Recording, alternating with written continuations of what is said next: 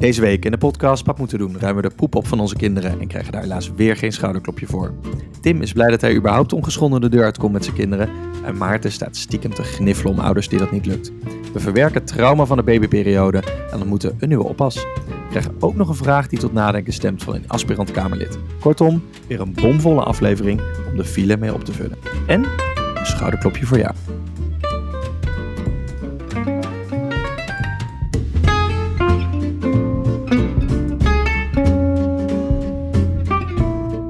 Hoi, hallo en welkom. Je luistert naar de podcast Papa moet het doen. De leukste podcast over de dingen die papa's doen met voormalig thuisblijfpapa Tim en thuiswerkpapa Maarten. Goeiemorgen. Goeiedag. Misschien luister je het wel s'avonds. Dan goeie-avond. Ja, maar dat maakt niet uit. Ik kan jou tot nu gewoon een goede morgen wensen. Dat is waar, ja.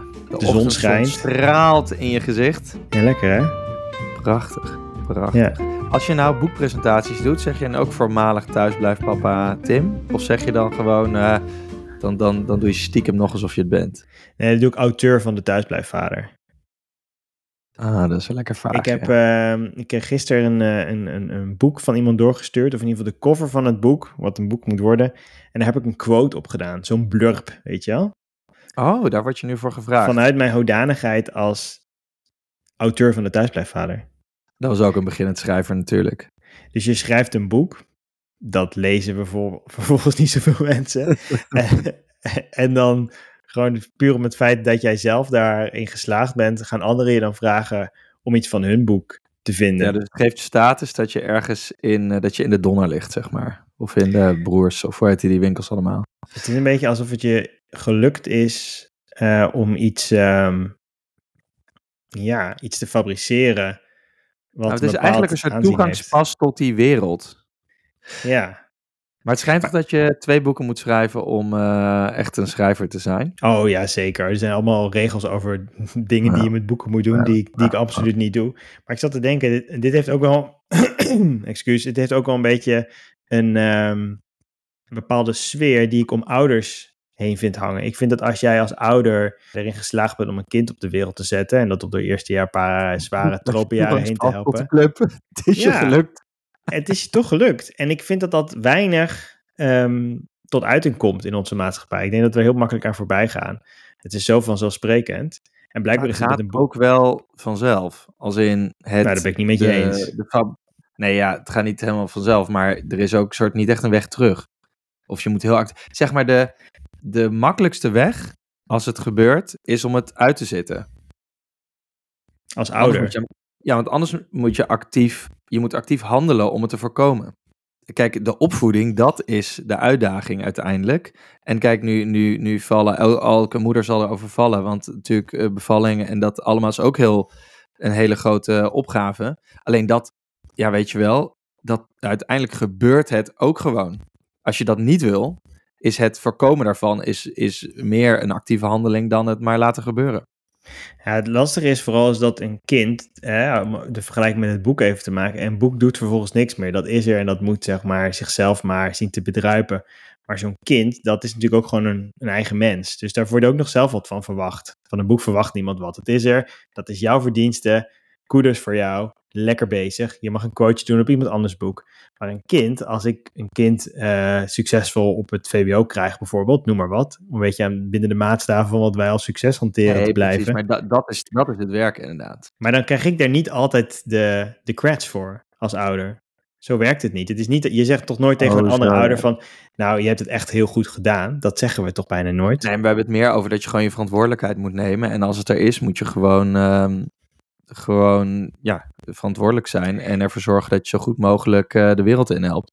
Maar dat is, dat is vanzelfsprekend. Dat is het uitgangspunt. Dat is de standaard. En dan snap ik dat dat, Dat dat, dat, dat, het ook, dat het ook wel fijn is. Maar dat jij wil misschien zo nu en dan gewoon... elk schouderklopje. kwartaal krijg je natuurlijk zo'n zo'n ouderbijdrage. Dat ze dan ook nog even een sms'je sturen met... "Weer Lekker gedaan dit kwartaal, Tim. Lekker bezig. Hier is 300 euro. Weet je, Het is weet je- is dat dan? Helpt dat? Het is weer gelukt. Iedereen, iedereen leeft nog. Er is, Ja. er is minder, minder gescholden dan vorige maand. Eh, Eigenlijk moet je elk kwartaal, voordat je dat geld krijgt van de overheid, want ik vind dat wel een mooie eh, koppeling, dat je daar dan even een hele korte survey moet invullen van hoe is het gegaan dit kwartaal. En dat je dan daarna misschien, nou ja, weet je, laten we het geld er niet uh, door, door laten beïnvloeden, want dat zou ingewikkeld zijn. Maar dat we dan wel het bericht wat je daarbij krijgt even beïnvloeden. Van, hé, hey, hier is het, lekker gedaan, ik koop er iets leuks van. Of, hey, uh, misschien deze maand wel gewoon eventjes uh, groenten voor je kinderen kopen. Weet je wel zo.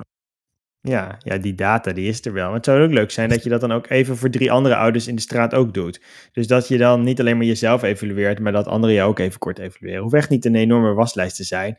Maar een meer van zeg maar. Die evaluatie met je straat. Is er meer of minder dan vijf keer in de ochtend geschreeuwd naar kinderen terwijl ze naar school toe moesten fietsen? Weet je wel? Dus dat je dan op die manier even zo turft van. Um, nou, ik denk dat het wel goed gaat daar, of ik denk het niet. Dan kan je ook op die manier kan je natuurlijk wel een beetje je zorgen uiten over andere gezinnen. Maar vooral, want dit gaat natuurlijk over dingen die niet goed gaan. Als het wel goed gaat, dat mensen dan ook gewoon daar even een complimentje voor krijgen. Ja. Vind ik lekker. ja, oké. Krijg jij veel complimentjes als ouder? Eh, niet van je kinderen in ieder geval. Ik krijg nooit complimentje, helemaal nee. niet van mijn kinderen. Maar nee. ik krijg heel soms van mijn ouders een complimentje. Oh, van mijn ouders. Ja? Nou, niet elke keer als ik iets goed doe. Maar gewoon dat ze vinden dat dat leuk gaat of zo. Ja. Oké. Of dat het leuke kinderen zijn of zo, weet je wel. Dan denk ik, oh ja, heb ik toch wel een bijdrage aan gehad. Zo voelt dat ook voor jou? Nou, ze zijn niet vanzelf zo leuk geworden. maar goed, ik vind dat ik wel een complimentje verdient, want, uh, verdien. Want uh, vlak voor deze podcast stond ik gewoon, uh, gewoon nog stront te ruimen. Dus uh, weet je wel, even terug naar realiteit. Dat is ook gewoon hoe het is, weet je wel. En daar had ik eigenlijk gewoon best een complimentje voor willen hebben. Maar ja, niemand die het me geeft. Het is, is het gelukt? Uh, het is helaas Nou, kijk, mijn dochtertje kwam naar me toe. zei, papa, ik uh, moet schone luier. Ik zei, oké, okay, is goed. Je had op zich ook even kunnen zeggen van, voordat het gebeurde, ik moet naar de wc. Dan hadden we ja. dat gedaan. Maar jij, jij je zin, weet je wel. Dus nou, prima. Dus gaan we doen. En ik trek dus die broek uit. En toen voelde ik het al.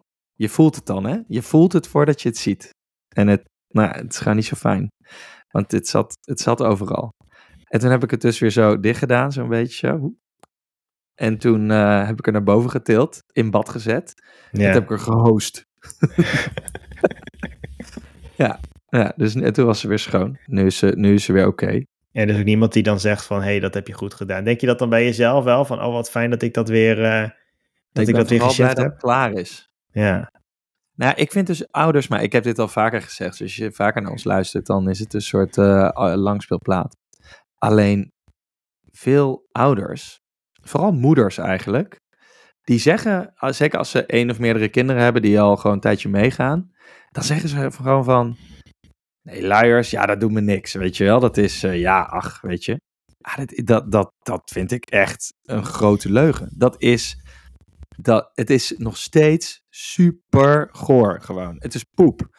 Ik vind ook, ik had laatst een hond die hier een tijdje logeerde. Hartstikke gezellig, kinderen vonden het helemaal leuk. Ik vind dat, en het uitlaat is eigenlijk best wel leuk, want dan, je wordt verplicht tot een wandelingetje, hartstikke prima.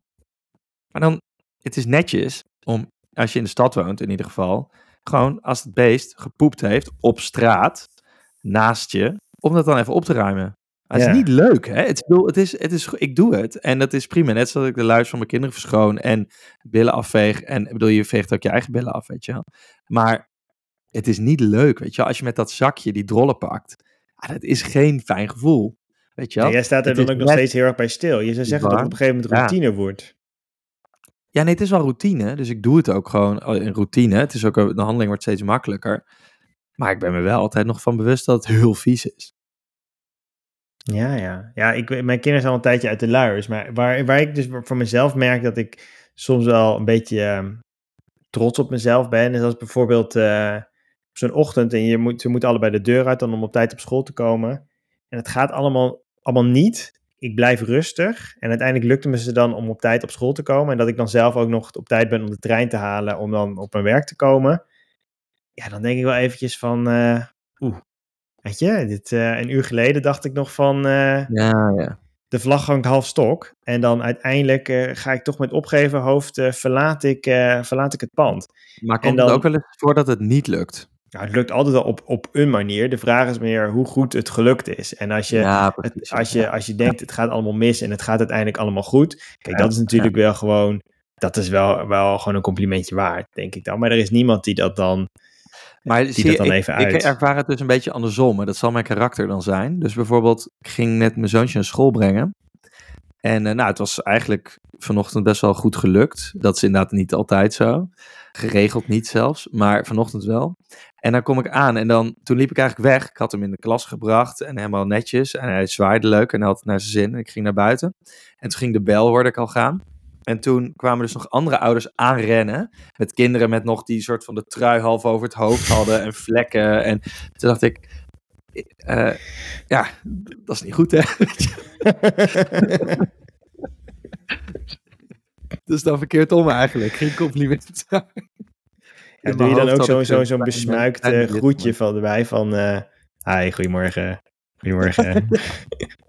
Ik heb het nu niet gedaan. Ik heb me ingehouden, maar dat zou ik wel kunnen doen, ja. ja. ja het is ellendig, hè. Want je denkt, als je dat zelf een keer overkomt, dan zie je al die andere ouders kijken. En Ja. dan denk je dat ze dit denken. En dan vervolgens denk ik het zelf ook. En dan is het dus gewoon, dan klopt het dus ook.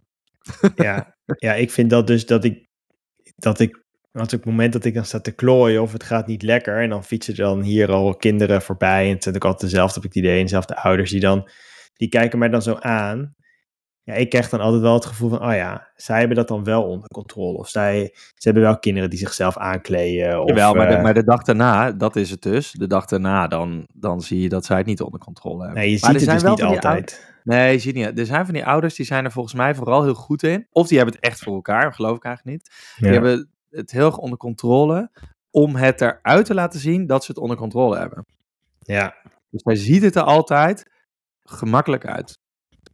ja. Maar dat, ik weet dan niet of het echt gelukt is. Of dat ze bijvoorbeeld thuis dan hebben staan schreeuwen. Maar dan die kinderen zo hebben opgeleid dat als ze de deur uitgaan, dat ze dan zeg maar de perfecte eh, lachende familie zijn. ja, die mensen mijd ik gewoon. Daar wil ik gewoon niks mee te maken hebben. Dat, eh, dat, eh, dat moeten we niet Ja. hebben. Kom, Nee. wij gaan door. Ik zal eens eh, beginnen met een papa-momentje. In dit geval is het echt een papa-momentje. Vaak zijn het eigenlijk kindermomentjes die wij observeren. Maar nu was het echt mijn eigen ervaring. Even de context schetsen. Mijn kinderen slapen eigenlijk best wel goed s'nachts. Ze gaan niet altijd meteen slapen, maar als ze slapen, slapen ze eigenlijk best wel goed. Weinig problemen. Maar toen ze baby waren, was het natuurlijk niet zo. En ehm, laatst lag ik in bed, s'nachts. En toen op een gegeven moment begon er een te huilen. En toen werd ik daar wakker van. En ik heb dus nog steeds, net als daarvoor, een soort fysieke reactie daarvan. Dus ik ben ook benieuwd of jij dat hebt. Maar ik herinner me nog dat toen ze dus als baby eh, dan, dan gewoon s'nachts wat vaker huilde. Dan, en soms dat je ook even moest laten huilen, weet je wel. Dat, en ik weet dat jij problemen ook hebt gehad in het begin met je dochter, maar met slapen. Maar gewoon dat je een, eh, dat je dus een tijd lang ligt te luisteren ook naar dat gehuil en Mhm. geschreeuw en gedoe. Ehm, en dat je dan dacht dat het bijvoorbeeld gelukt was, weet je wel, dat je dacht dat ze sliepen. En dan ineens begon het toch weer, weet je wel. Dat je dacht, oh nee, het is toch niet gelukt. En daar heb ik een soort fysieke reactie, kreeg daar altijd van. Echt soort, ik weet niet, ik heb nooit soort angstaanvallen gehad. Maar ik kan me voorstellen dat je op vergelijkbare manier voelt dat je door je hele lichaam voel je gewoon zo'n soort spasme, zeg maar, ineens, weet je wel. Een soort helemaal ver- vertrekken. En ik heb dat dus nu, als dus, was echt al heel lang niet voorgekomen, maar nu ineens, na, na heel lange tijd, was dus ineens s'nachts begon er eentje zo heel hard te huilen. En ik vertrok helemaal in een soort van kramp eh, meteen weer. Dat ik, oh, dat zit nog wel echt heel diep eigenlijk. Dat is echt een soort, soort trauma, wat waarschijnlijk heel veel ouders hebben, maar wat, wat, wat er zeker nog niet uit is, zeg maar. Het werd instant weer geactiveerd. Maar Ja. ik weet niet of jij dat ook hebt. Nou, dan zou ik inderdaad weer eens moeten hebben dat er, dat er eentje, eentje wakker wordt. Nou moet ik wel zeggen, is dat, ehm, je zei al vroeger toen, zeker mijn, mijn eerste kind sliep helemaal niet. Ja, dat, dat geluid betekende gewoon dat je hele nacht er gewoon aanging en dat, dat ging ook niet goed. En dan probeerde je nog van alles en had toch het idee dat het, dat het misschien tijdelijk was. Of nou ja, in ieder geval gewoon een hopeloze situatie. En nu komt sporadisch wel eens voor dat ik wakker word van een kind, maar dan gaat er in naar de wc of er, er valt iets uit bed of zo. Het is altijd heel snel opgelost.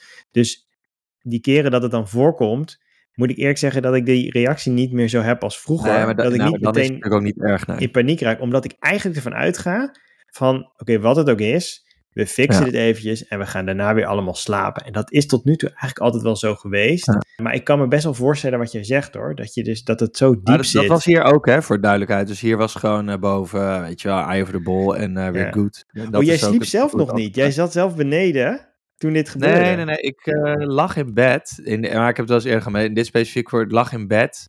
eh, maar ik was nog aan het lezen. Ah ja. Eh, maar ik had ook wakker kunnen worden. Maar dat maakt niet uit. En het was ook daarna voorbij. Dus het is ook eigenlijk ook nooit dat het voorkomt dat het inderdaad je hele nacht eraan gaat. Maar het, het triggerde gewoon weer die emotie van toen. Ja. Maar die fysieke.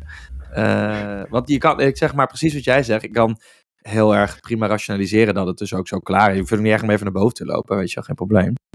Eh, want slapen verdieping hoger. Maar gewoon, ik, ik merkte gewoon die, die stuiptrek gewoon meteen.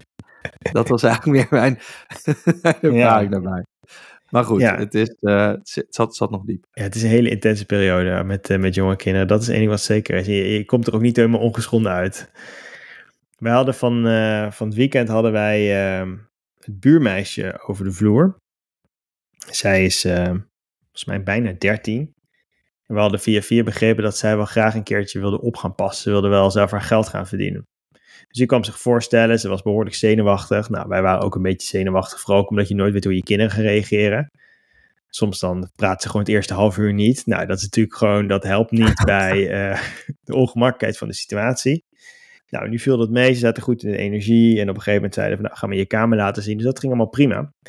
Eh, dus dat, eh, dat meisje ook blij, want ja, die moeder, ze- haar, haar moeder was mee. Dat, eh, dat was ik even vergeten te Ah. zeggen. Maar haar moeder was 13 mee. is, ook, 13 is ook echt jong.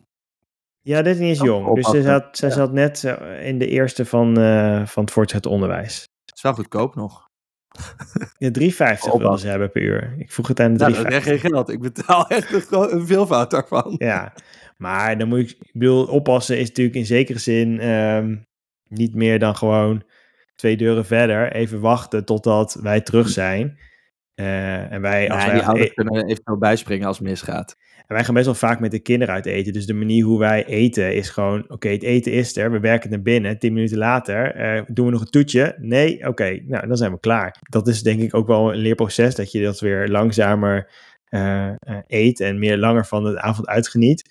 Tot nu toe eh, is dat wel vaak hoe het gebleken is. Dat we dan een, babysitter voor, of, een oppas voor drie uur laten komen. En dat we dan na, na, goede twee uur, dus dan staan we eigenlijk alweer op de stoep.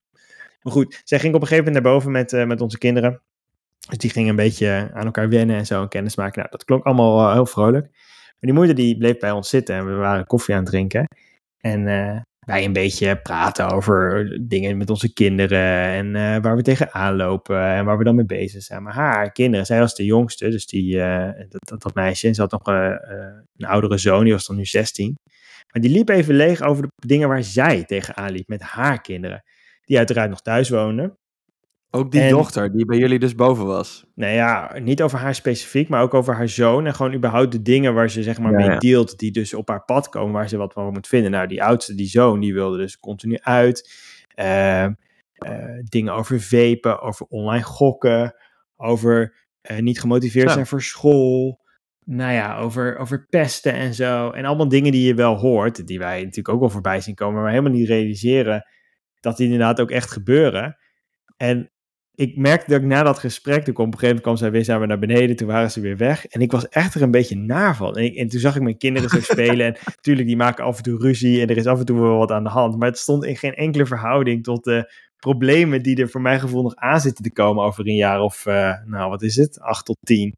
Dat zeggen ze toch ook altijd? Dat eh, kleine kinderen kleine problemen, grote kinderen grote Ja. problemen. ja, dat zei eh, mijn moeder ook altijd. En dat, dat vond ik echt Ja. een beetje onzin. Want juist als een baby Ja. klein is, denk je van... oh, en ik hoop dat ik het goed doe. En ik, ja, dat, dat blijkt dus dan allemaal inderdaad wel mee te vallen. Eh, Ja. Hoewel je op dat moment zelf dat idee absoluut niet hebt. En nu heb ik af en toe zoiets van... oh ja, het is wel gedoe, hè. Die, eh, zij begon die moeder begon ook over... ja, over de tropenjaren. Dat kon zich ook nog wel herinneren. Dat ze zo moest racen. En dan moest ze één naar paard rijden. En dan weer naar daarheen. En met die schema's. En allebei werken en zo. En dat is eigenlijk bijna een soort van onmogelijke puzzel. Maar de problemen waar zij nu als moeder ook opeens wel van wat moest vinden. En over wanneer, een, wanneer je dan een mobieltje krijgt en wat ze daar dan mee kunnen. En wat dan de regels daarover zijn. En hoe je dan kinderen überhaupt nog aan tafel krijgt. En of ze niet continu bij hun vrienden willen zijn. En wie die vrienden dan precies zijn. En nou ja, ik, eh, ik lag er helemaal af. Ja, Die wilde dat het stopte. ik vond het heel heftig. Ik had echt zoiets. Ik zei tegen mijn vrouw van, nee, ik verheug me helemaal niet op de periode die nog aankomt. Ik hoop dat deze problemen allemaal opgelost zijn tegen de tijd dat onze kinderen die leeftijd hebben. Want maar het is een beetje, wel, tot, eh, tot en met de basisschool is het dus wel gezellig, als ik het zo een klein beetje beluister. En Ja. dan daarna, dan begint de ellende. Ja, want die kinderen die worden zelfstandiger en er komen gewoon er komen andere invloeden je huis binnen. En ja, ik, ik heb mijn kinderen daarna ook even vastgepakt. En ik zei, nou ja, als jullie gewoon even lekker ruzie willen maken of zo over een of ander speelgoedje, be my guest. Eh, ik kijk wel even niet Ja. toe. Ik vind het wel prima zo. Jullie moeten gewoon lekker deze leeftijd blijven. Dit is gewoon, eh, dit is allemaal Ik nog heb te zelf overzien. altijd, eh, zelf altijd mijn hele jeugd ook wel in die blokken van de type school, zeg maar, ervaren. Dus dat je een soort, je had de basisschool, na de middelbare school en dan studeren en dan daarna weer, eh, werken en zo. En dat waren ook altijd wel, en dan en daarna werken eigenlijk zonder kinderen en dan nu inderdaad met kinderen. Die blokken, dat zijn een soort grote afgekade stukken in je leven of zo, weet je, een soort houvast bijna. Maar ik kan me voorstellen dat dat dus nu eigenlijk weer gaat. Dus een soort, de blok is kinderen, maar dan dadelijk is het nu dus kinderen die in school gaan. En dan dadelijk kinderen in de middelbare school. Maar dat die fase middelbare school eigenlijk ook wel een klein beetje ingericht lijkt om alvast afscheid te nemen. dat ze daarna dan lekker uit huis gaan. Dat, ze gewoon, dat het ook klaar is, weet je wel. Ja, maar wat je dus merkt, ik had eigenlijk het gevoel dat, dat het makkelijker geworden zou zijn in die zin, nu je, hè, eh, kinderen hebben al een mobieltje, je kan ze een beetje in de gaten houden en zo. En hè, ook allemaal van die terugkomende dingen van, ja, wanneer mag je dan alcohol drinken, wanneer mag je dan uit en hoe laat moet je dan thuis zijn en zo. En ik merkte dus gewoon ook, omdat ik dus nu, ik, geef les aan kinderen van die leeftijd, dus ik krijg af en toe ook dingen terug hè, van 13, 14, 14-jarigen, wat ze dan thuis en wel niet mogen. En ik merk gewoon, er is gewoon nul consistentie in hoe ouders het aanvliegen. Al deze dingen, dat zijn, die liggen gewoon open en bloot. Alles ligt op voor discussion. Het is niet van, oké, over uitgaan hebben we deze regel. Over mobieltjes hebben we deze regel. Over vriendjes en vriendinnetjes hebben we deze regel. Over blijven slapen hebben we deze regel. Want de een die zegt, nee, prima. Die heeft niet eens door dat de vriendjes blijven slapen. Terwijl de ander zegt, nee, je gaat niet ergens anders slapen. Slapen doe je thuis. En iedereen doet dus gewoon maar, Maar dat wat. is vroeger ook al zo, toch? Ja, natuurlijk. Denk Maar ik ik. had gehoopt dat dat weer inmiddels opgelost zou zijn. dat we hier gewoon zeggen van, oké, dit zijn de regels. Als je gewoon een beetje normaal denkend mens bent en je wilt gewoon normale, eh, leuke kinderen op de wereld zetten, dan zijn dit de regels over deze onderwerpen. En dan heb je Eigenlijk zou je zeggen dat over. de plek waar al die kinderen komen, is school.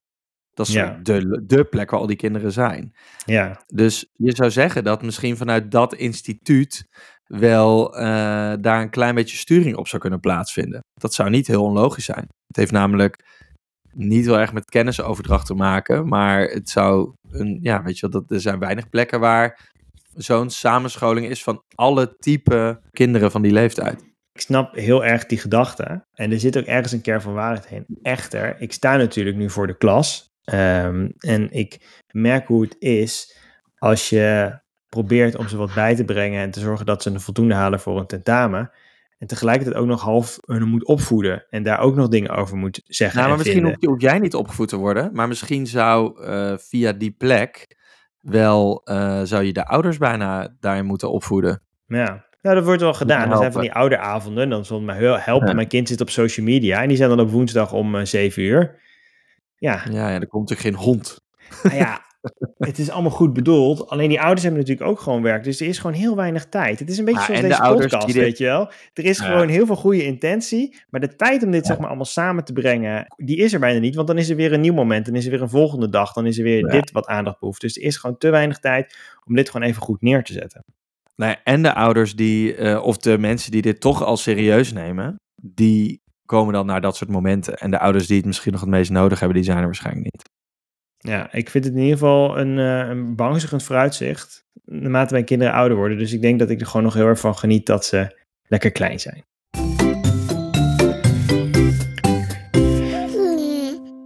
Ja, en dan eh, zal het jullie niet ontgaan zijn, beste luisteraars. Eh, ons ook niet. Wij krijgen af en toe ook vragen daarover van... gaan jullie nog iets over de verkiezingen zeggen?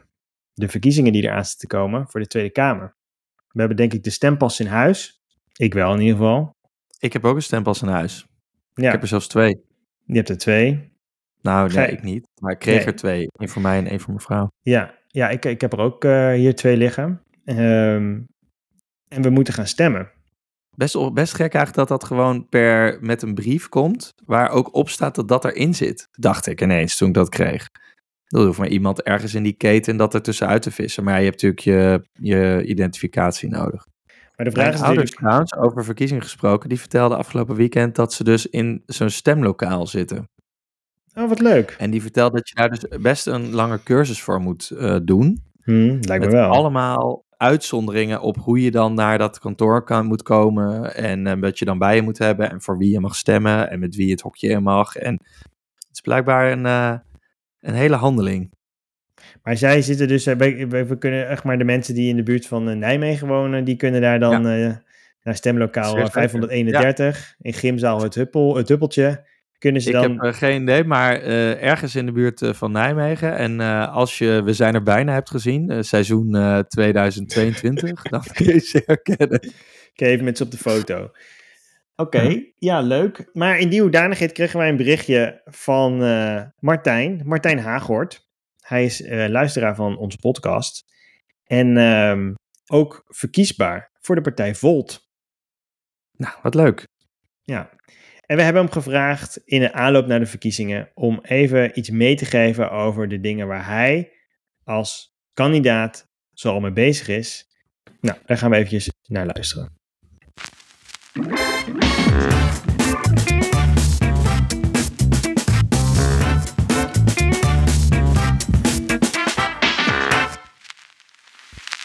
Hi Tim en Maarten. Voor de hulplijn vroegen jullie me naar de rolverdeling in ons huishouden. Ik heb me namelijk kandidaat gesteld voor de Tweede Kamerverkiezingen, sta hoog op de lijst bij Volt en heb dus een behoorlijke kans om daadwerkelijk in de Kamer terecht te komen. Ik geloof dat we een mooier Nederland kunnen krijgen en dat we voor onze kinderen radicale keuzes moeten maken om voor hen de planeet leefbaar te houden, want de rest van ons leven speelt zich af in de toekomst. Een dergelijke grote stap brengt een hoop veranderingen mee binnen ons gezin. Het heeft impact op ons allemaal. En laatst werd aan mij voor het eerst de vraag gesteld die eigenlijk standaard aan vrouwen wordt gesteld bij zo'n stap, namelijk hoe ga je dat nou thuis regelen? En ik vind dat een terechte vraag, omdat ook wij mannen, vaders, ons bewust moeten zijn van onze rol in het huishouden. En van het belang om gezamenlijk het huishouden te blijven runnen. Zeker als, zoals bij ons thuis, allebei je werk leuk vindt en belangrijk. Ik merk dat het belangrijk is om bij zo'n grote verandering altijd te blijven communiceren en de rol- en taakverdeling in het gezin te blijven herijken. Voor mijn vrouw en mij betekent dat dat we ons beiden veel bewuster moeten zijn van wat we nodig hebben. Dat we met elkaar moeten blijven communiceren over waar we tegenaan lopen en over hoe we de rol- en taakverdeling binnen het gezin eerlijk of gelijkwaardig kunnen blijven verdelen. Wat ik jullie wilde vragen is eigenlijk het volgende. Hoe zorgen jullie ervoor dat je, juist ook in de drukte of bij grote veranderingen, het samen blijft doen? Wat zijn gespreksonderwerpen die je dan niet moet negeren, vergeten, zodat je relatie zich kan blijven ontwikkelen? En hoe zouden jullie zorgen voor een gelijke verdeling? Wat zijn jullie gouden tips?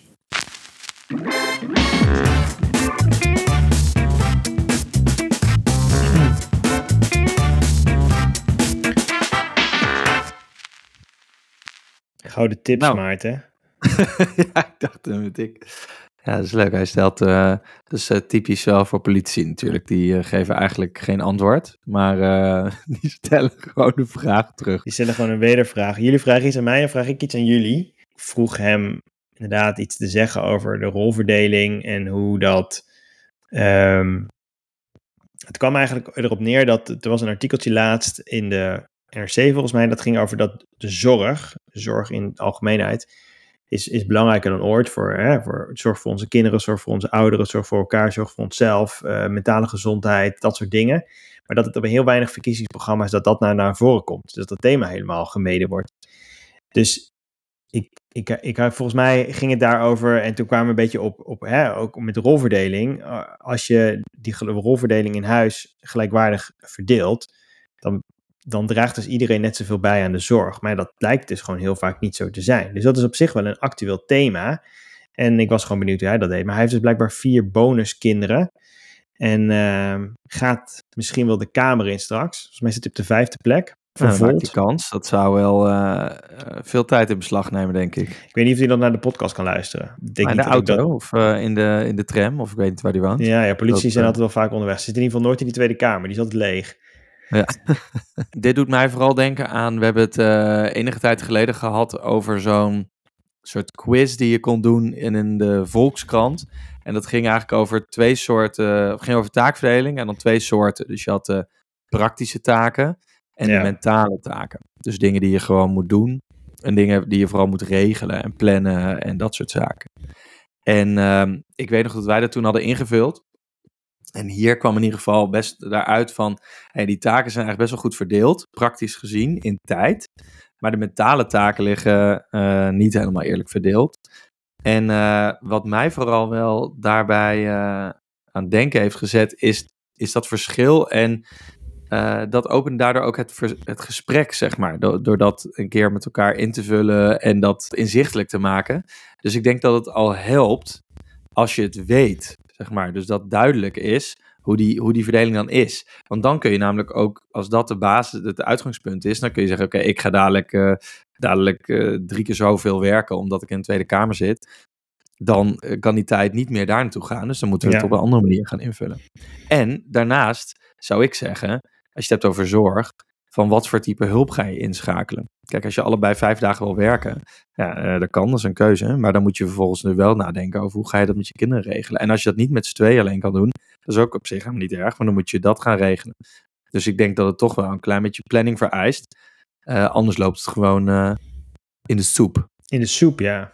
Ja, de soep loopt het denk ik uiteindelijk toch wel. De vraag is inderdaad meer van of je het met, met elkaar eens bent in hoe je, de, hoe je het in de soep laat lopen.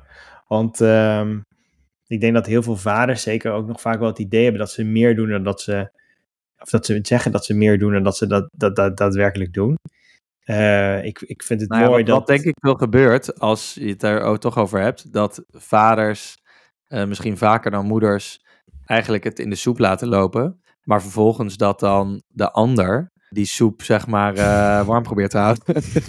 gaat niet goed hè, deze metafoor.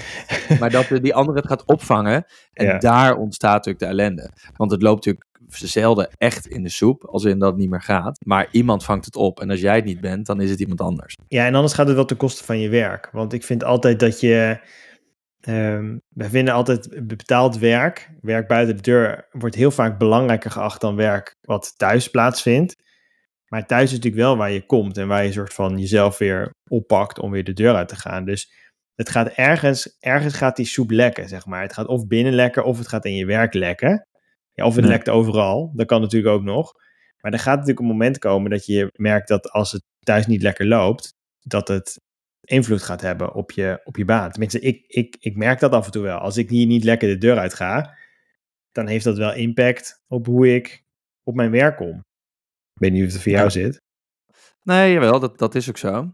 Doe me denken aan iemand in deze podcast, en ik weet nu niet meer wie. Ik heb vaak verwezen naar andere, andere afleveringen, maar ik weet even niet meer welke het is. Maar er was iemand en die had gezegd, die had een stelling bij ons gedropt en die zei, je hebt drie elementen in het leven. Dat is eigenlijk je familie of je gezin thuis. Je hebt werk, waarschijnlijk vooral op bedoeld uh, betaald werk. En dan daarnaast heb je nog een soort sociaal. Je hele sociale leven, vrienden, uh, uitgaan, weet ik veel, al dat soort dingen. En, en diegene die zei toen, je kan er maar twee kiezen. Waar je je op richt. Want als je er ja. drie kiest, loopt alles in de soep. Een soort focus aanbrengen. Ik denk dat focus aanbrengen sowieso een goed idee is. Alleen, um, dat zou in dit geval betekenen dat, oké, okay, nou ja, prima als jij in de Tweede Kamer wil zitten. En prima als je dan thuis gaat werken. Maar ja, dan, uh, gaat, uh, dan ga je je sociale leven misschien uh, minder, minder aandacht moeten geven. Ja, er is een uh, interessant gesprek geweest een tijdje geleden. Ik denk dat het voor de zomer was. Met uh, Jesse Klaver. Dat ging erover. Over ja, het is allemaal wel mooi wat jij doet en wat je roept. Maar hoeveel impact heeft het eigenlijk thuis op je gezin? En toen kwam er eigenlijk achter dat hij gewoon als politicus.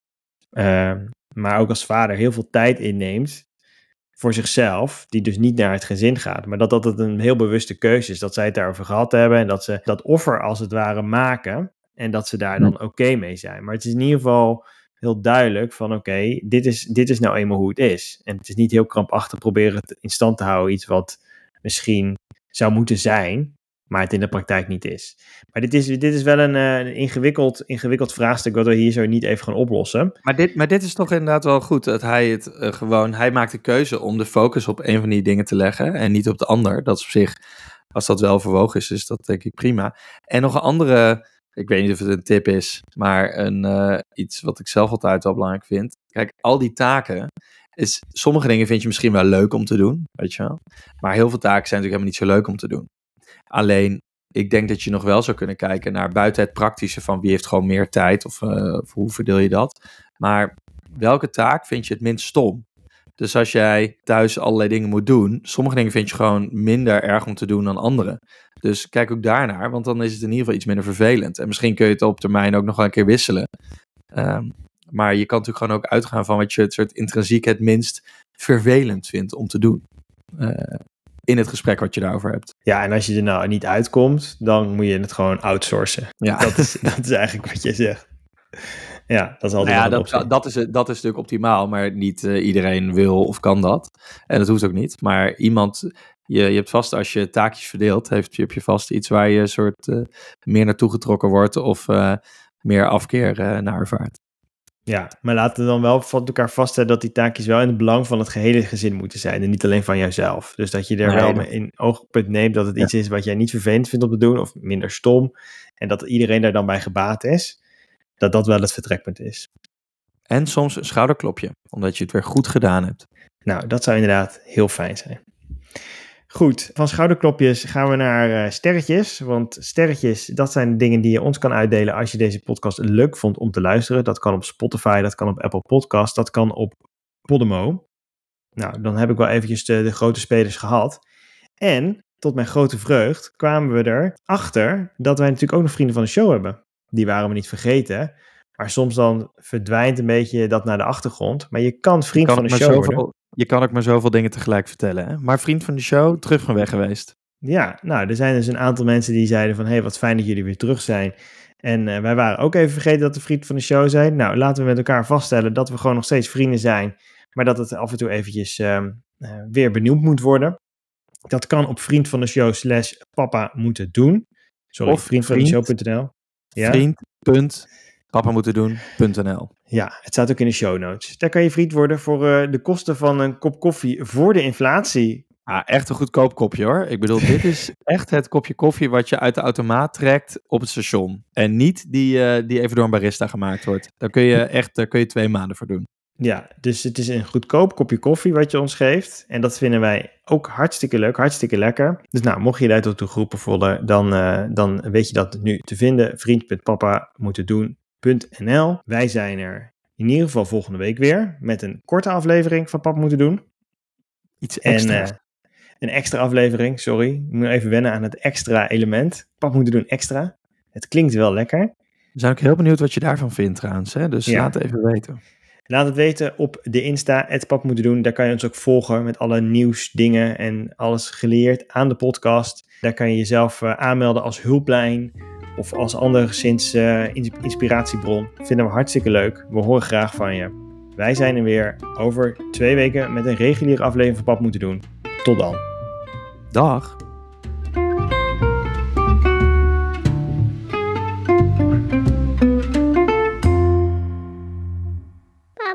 Papa moet dit doen.